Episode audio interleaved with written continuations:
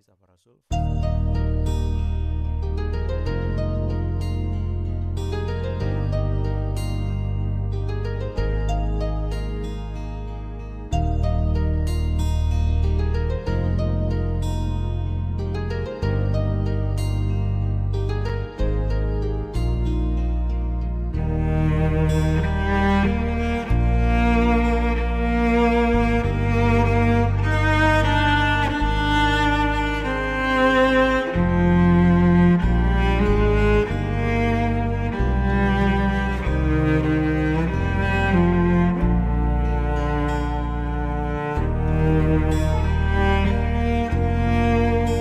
Kisah Para Rasul pasal yang ke-17 ayat yang ke-22 sampai ayat yang ke-30. Mari membaca. Paulus pergi berdiri di atas Aeropagus dan berkata, Hai orang-orang Athena, aku lihat bahwa dalam segala hal kamu sangat beribadah kepada dewa-dewa. Sebab ketika aku berjalan-jalan di kotamu dan melihat-lihat barang-barang pujaanmu, aku menjumpai juga sebuah mesbah dengan tulisan kepada Allah yang tidak dikenal. Apa yang kamu sembah tanpa mengenalnya, itulah yang kuberitakan kepada kamu. Allah yang telah menjadikan bumi dan segala isinya. Ia yang adalah Tuhan atas langit dan bumi. Tidak diam dalam kuil-kuil buatan tangan manusia dan juga tidak dilayani oleh tangan manusia. Seolah-olah ia kekurangan apa-apa. Karena dialah yang memberikan hidup dan nafas dan segala sesuatu kepada semua orang. Dari satu orang saja ia telah menjadikan semua bangsa dan umat manusia untuk mendiami seluruh muka bumi dan ia telah menentukan musim-musim bagi mereka dan batas-batas kediaman mereka supaya mereka mencari dia dan mudah-mudahan menjamah dan menemukan dia walaupun ia tidak jauh dari kita masing-masing. sebab di dalam dia kita hidup kita bergerak kita ada. seperti yang telah juga dikatakan oleh pujaga-pujagamu sebab kita ini dari keturunan Allah juga. Karena kita berasal dari keturunan Allah, kita tidak boleh berpikir bahwa keadaan ilahi sama seperti emas atau perak atau batu, ciptaan kesenian, dan kalian manusia. Dengan tidak memandang lagi zaman kebodohan, maka sekarang Allah memberitakan kepada manusia bahwa di mana-mana semua mereka harus bertobat. Saya akan membaca ayat yang ke-30 kembali. Dengan tidak memandang lagi zaman kebodohan, maka sekarang Allah memberitakan kepada manusia bahwa di mana-mana mereka, semua mereka harus bertobat karena ia telah menetapkan suatu hari pada waktu mana ia dengan adil akan menghakimi dunia oleh seorang yang telah ditentukannya sesudah ia memberikan kepada semua orang suatu bukti tentang hal itu dengan membangkitkan dia dari antara orang mati. Puji Tuhan. Umat-umat yang Tuhan kasihi, kita menemukan bagaimana Tuhan mengatur segala sesuatu dengan sangat indah dan pengaturannya itu sangat mulia. Pada waktu kita membaca bagian ini, maka kita kembali lagi diingatkan tentang khotbah-khotbah yang pernah sebelumnya dikhotbahkan. Dan saya ingin senantiasa mengingatkan kita dan mengajak kita untuk berpikir betapa pentingnya kita untuk memahami perjanjian lama juga.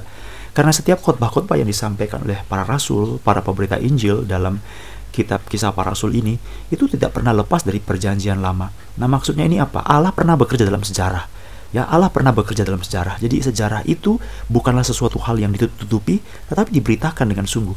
Nah, kalau kita berkata lagi, ah itu kan perjanjian lama hanya dimiliki oleh orang Yahudi, memang benar. Karena pada waktu kita membaca bagian firman Tuhan, kita temukan di mana tempat Paulus juga pergi memberitakan Injil, Petrus, secara khususnya Petrus, Petrus itu khusus untuk orang Yahudi. Tapi Paulus juga walaupun dia di daerah-daerah tempat bukan Yahudi, ke mana dia memberitakan Injil pertama-tama itu adalah orang Yahudi. Dan dengan mudah untuk menceritakan perjanjian lama kepada orang Yahudi, tentu begitu kan? Ya, tetapi pada waktu Injil diberitakan, tetap perjanjian lama yang diberitakan itu itu juga adalah diberitakan kepada orang bukan Yahudi. Nah, jadi sekarang saya masuk pada bagian pertama. Apa hubungan perjanjian lama dengan Injil? Perjanjian lama dengan Injil hubungannya bahwa Injil itu sudah diceritakan tersembunyi, terkandung dalam perjanjian lama. Jadi seperti cerita pada waktu kita membaca tentang kejatuhan manusia ke dalam dosa, di mana Tuhan berkata bahwa nanti keturunan perempuan ini akan meremukkan kepala ular. Itu adalah kalimat Injil. Jadi terkandung dalam perjanjian lama. Pada waktu Tuhan memanggil Abraham, dia berkata kepada Abraham, olehmu, oleh keturunanmu, semua bangsa akan diberkati. Itu kalimat Injil. Karena keturunanmu itu bukan kalimat majemuk, bukan kalimat banyak, tapi satu. Emang anak keturunan Abraham cuma satu? Tidak, keturunan Abraham banyak. Tetapi yang disebutkan satu, yaitu Kristus Yesus. Jadi dalam berita itu ada kalimat-kalimat Injil terkandung di dalamnya. Nah, inilah yang disampaikan kepada semua orang, khususnya orang Yahudi, ya, tetapi juga kepada orang bukan Yahudi. Jadi, apa hubungannya ini semuanya? Yang kedua, walaupun kita bukan orang Yahudi, kita perlu juga mengerti, memahami Injil, termasuk dari Perjanjian Lama. Jadi, kita tidak memulai agama kita dari Perjanjian Baru, saudara-saudara. Kita juga tidak terlalu berfokus bahwa ceritanya hanya Yesus, yang bukan Yesus itu bukan cerita Alkitab. Tidak Yesus pun sudah dibicarakan dalam perjanjian lama. Dan itu sebabnya kita menerima perjanjian lama. Kita juga harus mendengar khotbah tentang perjanjian lama. Kita juga harus mendengar bagaimana Kristus Allah itu telah di, menyatakan diri, telah menunjukkan Kristus dari perjanjian lama, dari sejarah. Dan ini bukan hanya milik orang Yahudi, tetapi milik semua orang. Itulah yang terjadi dalam kisah Rasul pasal 17. Paulus sedang berada di kota bukan orang Yahudi, namanya kota Athena. Dan pada waktu dia ada di kota Athena, memang dia berdialog dengan orang-orang Yahudi. Coba kalau kita baca dalam pasal 17 ayat 17, karena itu di rumah ibadat ia bertukar pikiran dengan orang-orang Yahudi dan orang-orang yang takut akan Allah. Dan di pasar setiap hari dengan orang-orang dijumpainya di situ. Jadi ada tiga kelompok. Yang pertama kepada orang Yahudi, dia bicarakan Injil. Yang kedua kepada orang yang takut akan Allah. Ini 50-50 secara kelahiran bukan orang Yahudi, tetapi secara iman mereka menganut iman Yahudi seperti Cornelius. Oke, okay? tapi yang ketiga kepada orang yang pure, yang bukan orang Yahudi dan tidak ngerti apa-apa tentang Perjanjian Lama. Kepada setiap orang yang ditemui Paulus di pasar, dia bicara itu. Sehingga pada waktu itu muncullah suatu kalimat dari ayat yang ke-19. Rupa-rupanya ia memberitakan tentang memberitakan Injil tentang Yesus, tentang kebangkitannya ya kan? Ini ajaran yang dewa asing memberitakan Injil tentang Yesus dan tentang kebangkitannya. Jadi, bolehkah kami tahu ajaran mana yang engkau ajarkan? Jadi, walaupun orang itu adalah bukan Yahudi, tetap dia harus mendengar berita tentang perjanjian lama. Berita tentang Injil itu sudah terkandung di sana. Nah, itu sebabnya saudara-saudara, sebagai orang percaya, jangan kita lupa itulah sejarah, itulah akar, itulah perjalanan iman kita. Saudara harus mengerti. Nah, pada waktu Paulus berbicara, ayat 22, berdirilah dia berkata, "Hai orang-orang Athena." Jadi ada suatu hal di sini yang disebut ini adalah orang-orang yang tidak Yahudi, bukan orang Yahudi. Tetapi apa khotbah Paulus? Hai orang-orang Athena, aku lihat bahwa dalam segala hal kamu sangat beribadah kepada dewa-dewa. Sebab ketika aku berjalan-jalan di kotamu, melihat-lihat barang pujaanmu, aku menjumpai juga sebuah mesbah dengan tulisan kepada Allah yang tidak dikenal, apa yang kamu sembah tanpa mengenalnya itu yang kuberitakan. Allah yang telah menjadikan langit dan bumi. Nah ini mulai khotbahnya. Jadi dia mulai khotbah dari apa yang diceritakan dalam perjanjian lama. Kejadian 1 ayat 1. Pada mulanya Allah menciptakan langit dan bumi. Jadi bagi sebagian orang tidak mengerti siapa yang menciptakan langit dan bumi. Ada orang kalau orang tanya sama para ilmuwan, saintis, mereka mengatakan bumi ini datang bukan dari Allah tapi bumi datang dari benturan yang besar. Ada namanya Big Bang Theory, dari benturan yang besar sekali. Ada dari black hole, dari lubang yang hitam. Ada dari evolusi, ada dari sesuatu yang tidak diketahui tapi terbentuk oleh gara-gara perputaran. Sama seperti karat. Karat itu terbentuk dari mana? Dari udara yang bercampur dengan suatu benda logam, maka muncullah penumpukan, penumpukan, penumpukan jadilah karat. Jadi itu proses. Jadi demikianlah alam ini. Alam ini tidak dicipta. Alam ini terjadi secara alamiah karena ada perpeturan benturan dan reaksi-reaksi. Jadi saudara tergantung tanya agama mana saja. Agama-agama tertentu mungkin yang lebih dulu mengatakan ada yang dikatakan bahwa ini adalah dari sesuatu uh, apa namanya uh, keluar dari mulut atau sesuatu dari gumpalan tanah dari mana saja terjadi. Ada yang katakan dilahirkan. Ini semua diceritakan dalam agama-agama kuno agama-agama tertentu. Bahkan kalau kita tanya berbeda agama berbeda dari mana dunia ini terbentuk? Jadi saudara-saudara dikasih Tuhan hanya orang-orang yang percaya kepada Allah yang tahu bahwa Allah lah yang menciptakan bumi ini. Langit dan bumi. Jadi orang Yunani tidak ngerti itu. Apalagi pada waktu dia berbicara tentang penciptaan oleh filsafat, oleh orang-orang pinter. Mereka tidak percaya bahwa bumi ini diciptakan, langit dan bumi ini diciptakan oleh Allah. Tetapi Paulus mulai menceritakan langit dan bumi itu dari perjanjian lama sudah diceritakan saudara-saudara. Jadi walaupun orang-orang ini bukan orang Yahudi, mereka diajak untuk mengerti Alkitab. Kemudian kita baca ayat yang ke-24 mengenai tentang bumi bukan e, diciptakan oleh Allah dan bukanlah diam dalam kuil buatan tangan manusia. Ayat 24 ya. Jadi yang pertama tadi Allah menciptakan bumi dan segala isinya, itu perjanjian lama. Yang kedua, ia tidaklah tinggal dalam kuil dan buatan tangan manusia. Ayat 25, tidak juga dilayani oleh tangan manusia, seolah-olah ia kekurangan apa-apa. Ini juga Alkitab, saudara. Ini perjanjian lama. Khotbah ini juga adalah khotbah yang pernah disampaikan oleh Stefanus kepada orang Yahudi. Jadi sama seperti Paulus khotbah kepada orang bukan Yahudi tentang Alkitab, demikian juga Stefanus pernah berkhotbah kepada orang Yahudi tentang Alkitab. Ini kontennya sama. Kemarin kita cross check ya. Kisah para rasul pasal yang ketujuh. Kisah para rasul pasal yang ketujuh ayat yang ke-47, 48, 49 Kisah 7, 47, 48, 49. Tetapi Salomo lah yang mendirikan sebuah rumah untuk Tuhan, untuk Allah. Ayat 48. Tetapi yang maha tinggi tidak diam dalam apa yang dibuat oleh tangan manusia. Seperti yang dikatakan Nabi. Jadi ini kalimat dari kitab Yesaya. Langit adalah tahtaku, dan bumi adalah tumpuan kakiku. Rumah apakah yang akan kamu dirikan bagiku? Demikianlah firman Tuhan. Tempat apakah yang akan menjadi perhentianku? Bukankah tanganku yang sendiri yang membuat ini semuanya? Jadi saudara-saudara itu adalah kalimat kepada siapa? Kepada orang Yahudi. Dan walaupun itu adalah kalimat orang kepada orang Yahudi yang dikutip dari kitab suci Yesaya pasal 66, hal yang sama dikatakan Paulus kepada orang bukan Yahudi, orang Yunani, yaitu orang tidak mengenal Allah. Tetap isinya Alkitab. Jadi saudara-saudara tidak mungkin tidak kalau kita mau mengerti keselamatan, kalau kita mau mengerti Injil, kalau kita menjadi orang percaya, kalau kita diselamatkan, maka kontennya, beritanya tetap kita menggunakan firman Allah. Tidak peduli saudara bukan dari Yahudi atau tidak Yahudi. Saudara perlu ngerti kitab suci. Jadi bukan berarti kita bukan orang Musa, kita bukan keturunan Musa. Masa bodoh tuh, nggak ngerti-ngerti itu. Kitab Taurat apalah, kemah suci apalah, Abraham apalah, ada ngerti tidak. Kita semua harus dibawa mengerti.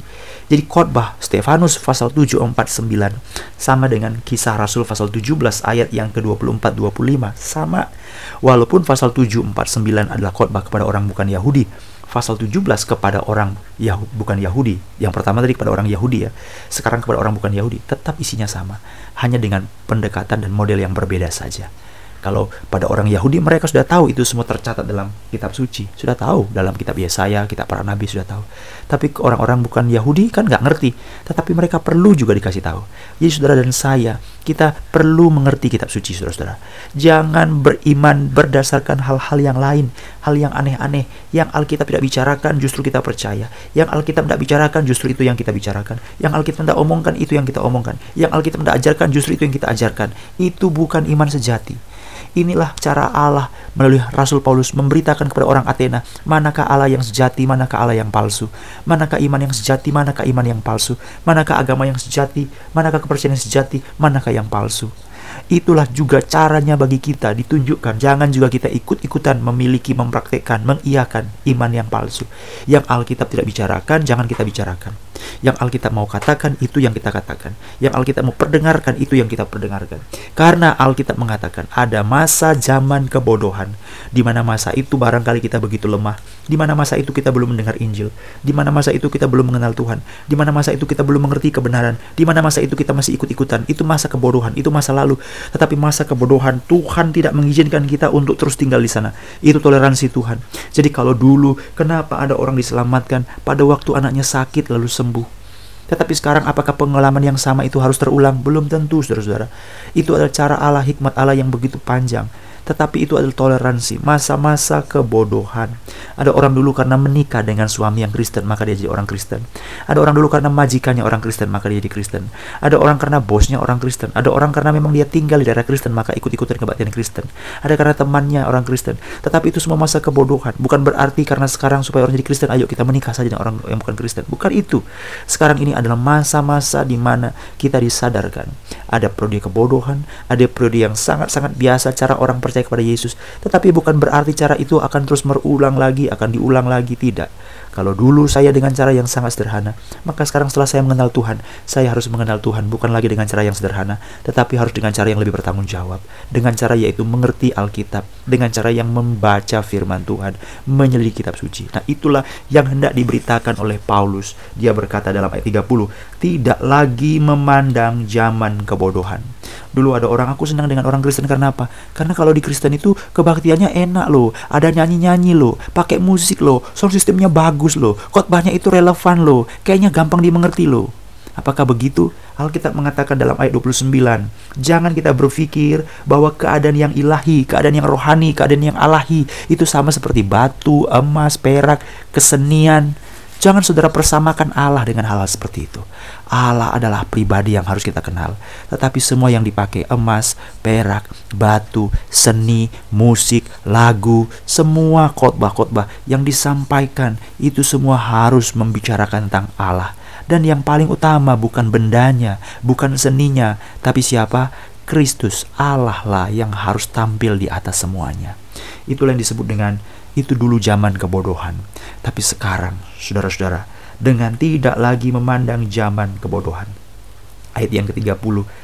Mari sama-sama kita baca ya. Kisah 17 ayat 30. Kita mulai. Dengan tidak memandang lagi zaman kebodohan, maka sekarang Allah memberitakan kepada manusia bahwa di mana-mana mereka semua harus bertobat karena ia telah menetapkan suatu hari waktu mana ia dengan adil menghakimi dunia ini dia oleh seorang yang ditentukannya jadi ini semua penentuan Tuhan kita tidak bisa lewat seorang yang ditentukannya sesudah ia memberikan kepada semua orang suatu bukti tentang hal itu dengan membangkitkan dia Yesus dari antara orang mati jadi kita lihat yang pertama bahwa walaupun siapa kita latar belakang apa pun kita tidak peduli kita harus mengerti iman, mengerti Injil dari mana?